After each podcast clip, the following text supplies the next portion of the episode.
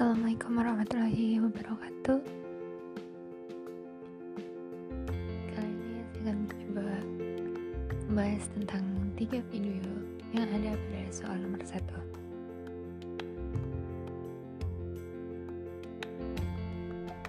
Poin-poin penting yang dapat saya ambil yang pertama yaitu tentang program Bu Kades, selanjutnya dana desa dan juga padat karya. Prioritas dana desa berdasarkan Permen Desa PDTT 13 tahun 2020 itu tentang SDGs desa.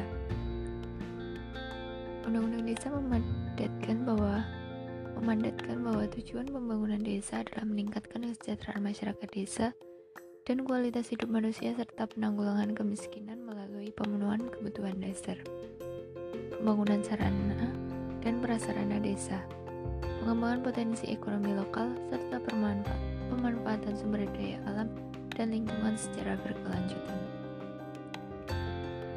Uh, di sini yang dimaksud dengan berkelanjutan adalah pembangunan desa untuk pemenuhan kebutuhan saat ini dilakukan tanpa mengorbankan pemenuhan kebutuhan generasi di masa depan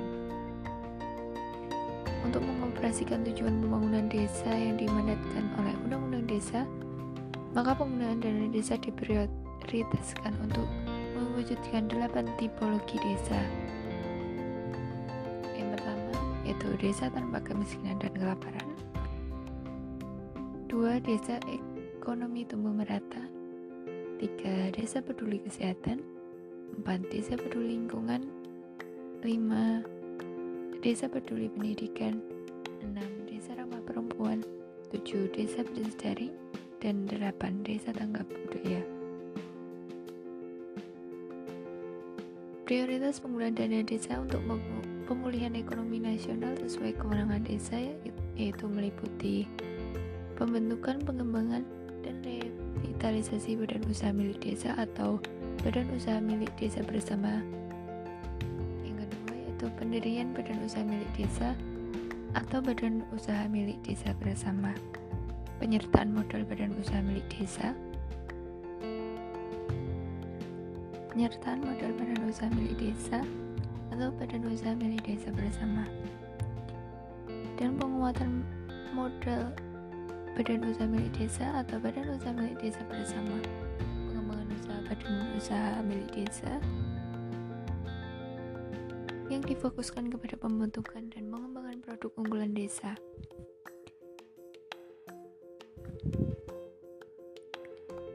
Selanjutnya, poin pentingnya yaitu swakelola.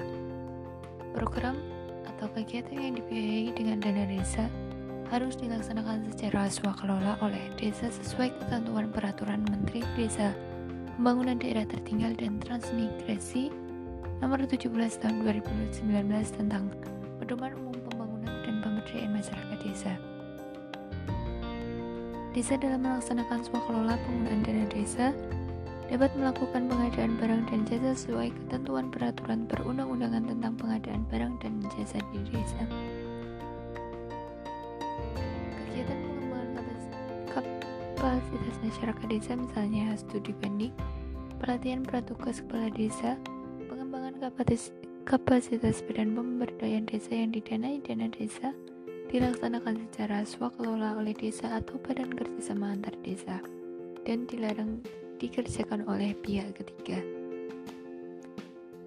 Topik penting yang lainnya yaitu padat karya. Penggunaan dana desa diutamakan untuk dilaksanakan dengan pola padat karya tunai desa atau PKTD. Pekerjaan diprioritaskan bagi penganggur, setengah penganggur, perempuan kepala keluarga atau PK, anggota keluarga miskin, serta anggota masyarakat marginal lainnya. Besaran anggaran upah kerja paling sedikit yaitu 50% dari total biaya per kegiatan yang dilakukan menggunakan pola PKTD. Pembayaran upah kerja diberikan setiap hari. Pelaksanaan kegiatan padat karya tunai desa PDKT dikelola dengan menerapkan protokol kesehatan untuk menjaga para pekerja dari COVID-19.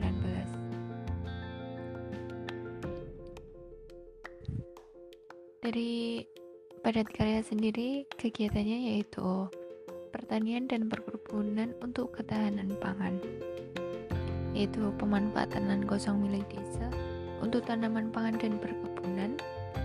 Yang kedua yaitu pemanfaatan lahan kosong milik warga untuk menanam sayuran dan.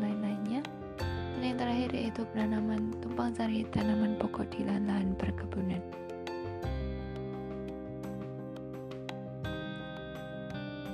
Pada penggunaan dana desa dapat diprioritaskan untuk membiayai pembentukan atau pengembangan produk unggulan desa atau PRUDES atau produk unggulan kawasan perdesaan atau PRUKADES. Salah satu contohnya yaitu terasi goreng dan abon ikan. Masyarakat desa di kawasan pesisir sebagian besar bermata pencarian nelayan tangkap. Untuk menambah penghasilan keluarga nelayan, Desa-desa yang berada di kawasan pesisir dapat menjalin kerjasama antar desa dengan membentuk Badan Kerjasama Antar Desa atau BKAD.